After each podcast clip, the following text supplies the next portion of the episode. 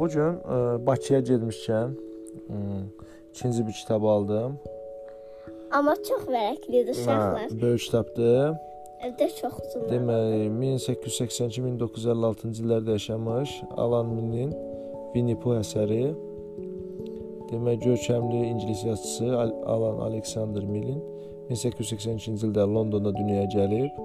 Yaxşı təhsil almışdır, Cambridge Universitetini bitirmişdir.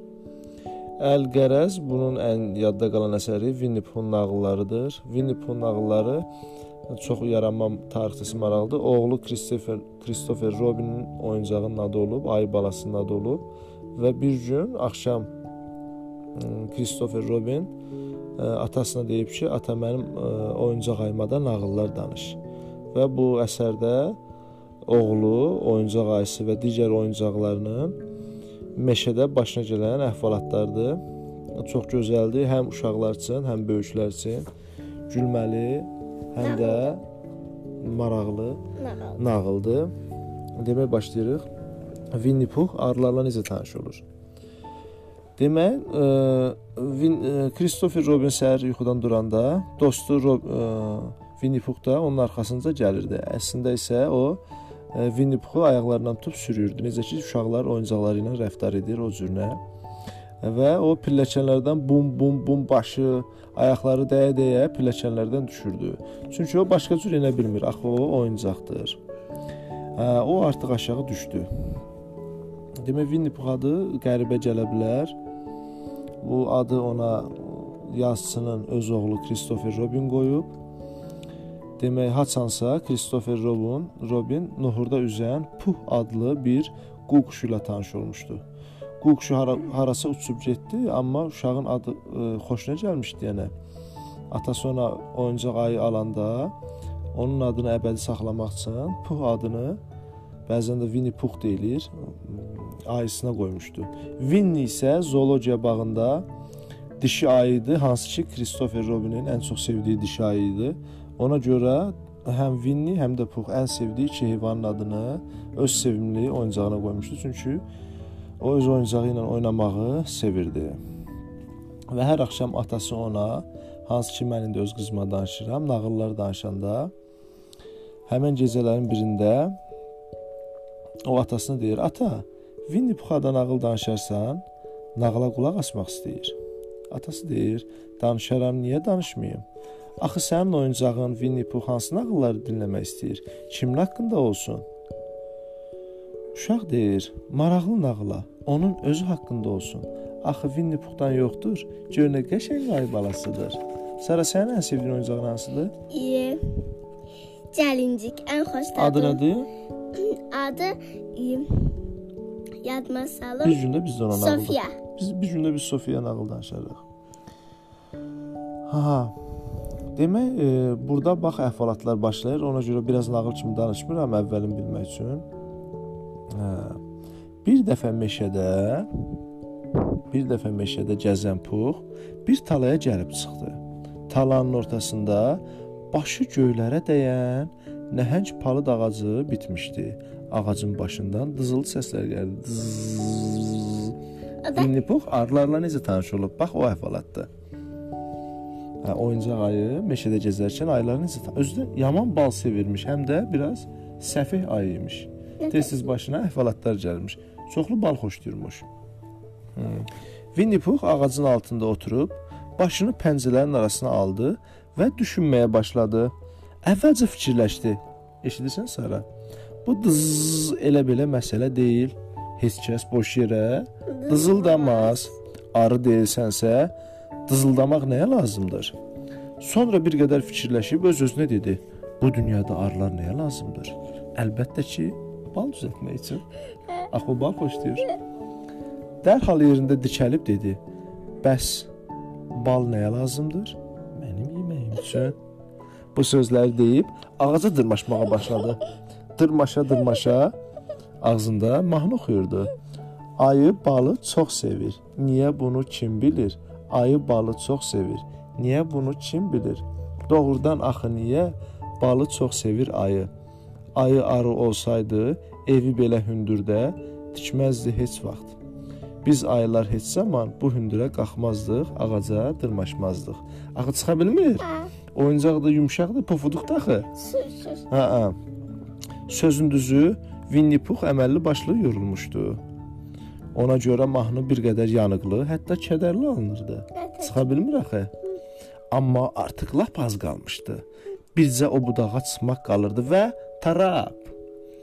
Ana pəncəsi boşa çıxan Winnie Pux qışqıraraq 3-4 metr aşağı yuvarlandı. Bu zaman ağzı, burnu az qala yoğun budağa dəyib əziləcəkdi. O hələ də çərə təsəvvürlə ki, ağacdan düşür, budaqlara dəyir, başı dəyir, ayaqları dəyir, kürəyi dəyir, qarın dəyir və hələ də danışır. Eh, nəyimə lazım idi? Donquldanan Winnie budaqlara dəyə-dəyə biraz da aşağı yuvarlandı. Axı pislik eləmək istəmirdim.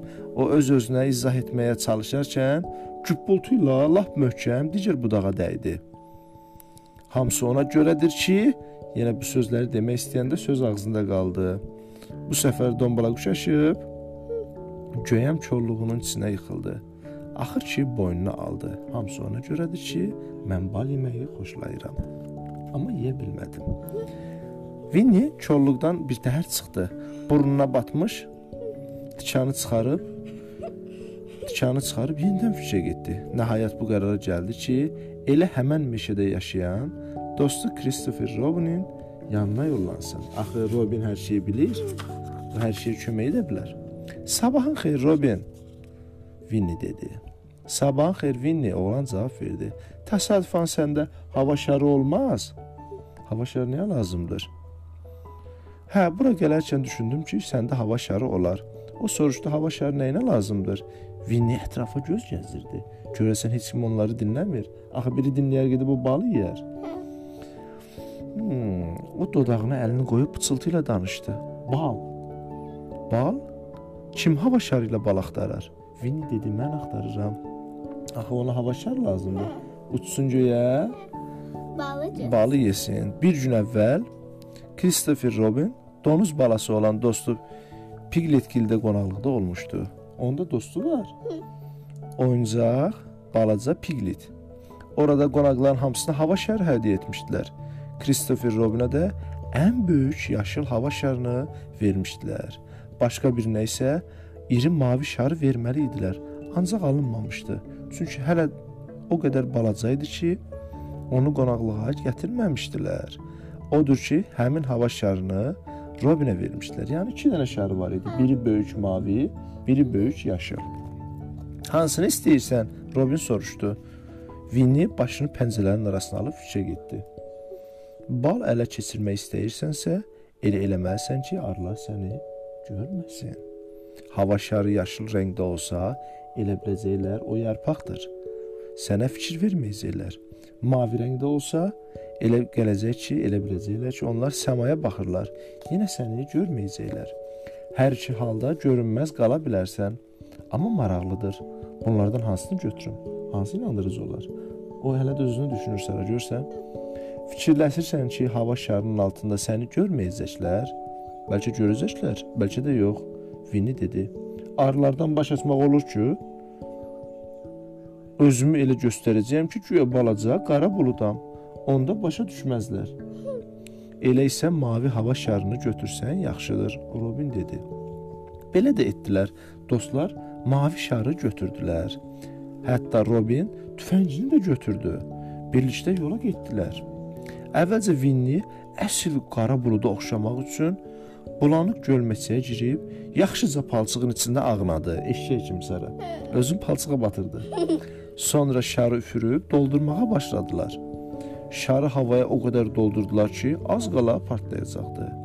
Bu səfər Robin ipi buraxdı və Winnie şarla birlikdə havaya uçdu. Şar uçub arıların yuva qurduğu ağacın yanına gəldi. Hə, kimə oxşayıram? Winnie, Winnie yuxarıdan yavaşca dedi. Robin dedi, nəyə oxşayırsan? Hava şarında uçsan ayıya oxşayırsan. Bəs balaca qara qala qara buluda oxşamıram? O qədər də yox. Eybi yox, ola bilsin buradan baxanda oxşamıram. Amma arıların işini bilmək olmaz. Bədbəxtlikdən külək də əsmirdi. Hərəkətsiz Winnie havadan asılı qalmışdı. Yaxınlaşa bilmir axı. O balı görür, qoxusunu hiss edir, amma pəncəsini uzadıb götürə bilmirdi. Bir müddət sonra yenidən danışmağa başladı. Robin, Robin. O sakitcə danışırdı. Robin, arılar özlərini şübhəli aparır. Robin dedi, bəlkə bilirlər, səndən şübhələnirlər. Arılar görür axı. Bəlkə də arılardan baş açmaq olmur. Yenə sakitlik oldu. Yenə yenidən Vinni danışdı. Robin, evdə çətir var? Çətir zondikdə sarı bilirsən? O dedi, deyəsən var. Get onu gətir. Çətiri əlində tutub o yana bu yana qaçarsan. Tez-tez göyə baxıb deyərsən, deyəsən yağış yağacaq, deyəsən yağış yağacaq. Onda bəlkə arılar bizə inandı. Robin ürəyində ona gülüb öz-özünə fikirləşdi. Ay səni səfih ayı. Amma o ayını çox istəyirdi. Ona görə getdi çətir gətirməyə və birazdan gəldi. Vinni dedi: "Axır ki gəldin. Narahat olmağa başlamışdım. Çətiri aç, o yan bu yana qaça-qaça belədi. Deyəsən yağış yağır, yağış yağır. Mən isə bulud mahnısını oxuyacağam. Yəqin ki, buludların hamısı belə mahnı oxuyur. Əslində buludlar mahnı oxumur. Başla. Robin ağacın altında yağış yağır, yağış yağır deyə qaçmağa başladı. Vinni isə mahnı oxudu. Mən buludam, buludam, balaca qara bulud. Yox, ay deyiləm mən. Buludlarsa bəllidir, göylərdə uçmalıdır. Ah mavi səmalarda süzmək necə gözəldir. Ona görə buludlar hey mahnı oxuyurlar. Maraqlıdır. Nə qədər qəribə də olsa, arılar get-gedə özlərini daha şübhəli aparırdılar. Lap bəkdən vızıldaşırdılar. Güya əsəbləşirlər də. Hətta bəziləri yuvadan çıxıb yuvadan çıxıb buludun ətrafında uçmağa başladılar. Onlardan biri buludun burnuna qondu və uçub getdi. Yəni Vinninin burnuna qondular. Axırı Vinni onları aldada bilmədi. Onlar bildi ki, o bulud deyil. Kristofer, Kristofer! Vinni qışqırdı. Başa düşdüm, bunlar düzgün arı deyillər. Nə danışırsan? Qətiyyən düzgün arı deyillər. Ona görə yəqin düzgün bal da düzəldə bilmirlər. Doğrudan, hə, aşağı enmək istəyirəm. Bəs necə enəcəksən? Robin soruşdu. Hmm, Vinni heç bu barədə düşünməmişdi. Kəndiri pəncəsindən buraxsa, cüpultu ilə yerə dəyəcəkdi. Odur ki, bu fikir xoşuna gəlmədi. Yaxşı, yaxşı. Götür qoy edəndən sonra dedi. Robin, şarı tüfənglə vur. Tüfəng yanındadır. Əlbəttə yanımdadır, Robin dedi. Atəş açsam, şar xarab olar axı. Atəş açmasam mən xarab olacam. Arılar məni dişləyir. Onda Robin şarı nişan alıb atəş açdı. Oy, oy, oy, Vinni danışdı, da, danışdı, qışqırdı. Vura bilmədim. Vurdun, vurdun, amma şarı yox, məni vurdun. Bağışla, Robin yenidən atəş açdı. Bu səfər gülləsi hədəfə dəydi və şar partladı. Vinni yerə endi. Düzdür, kəndir onun əlini incitmişdi, amma neynəmək olar? Bu əhvalatdan sonra Vinni bir həftə pəncələrini tərpədə bilmədi. Burnuna milçək qonanda onu üfürüb qova qovalayırdı. Püf püf. Çünki əli ağrıyırdı axı.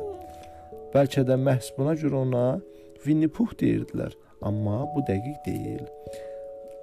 Ha, bu zaman Christopher Robin atasından soruşdu. Ata nağıl qurtardı? Atası dedi, bəli, qurtardı. Amma başqaları da var. Winnie ilə mənim haqqımda? Hə. Üstəlik Dovşan, Piglet və başqaları haqqında. Məsəl üçün Piglet, Eflantın nağılları da var. Onları da danışacağam sənə sonra. Ha, tuta bildilər? Xeyr. Növbəti nağıllara qulaq asanda biləcəyik. Yaxşı deyib Robin ay balasının ayağından tutub sürüyə-sürüyə yatağına doğru getdi. Qapıya çatanda çevrilib soruşdu: "Bəs mənim gülləm ona dəyəndə çox ağrıtmayıb?" "Hey, xeyr, heç ağrıtmayıb," atası dedi. Oğlan başı ilə sağollaşıb çıxdı.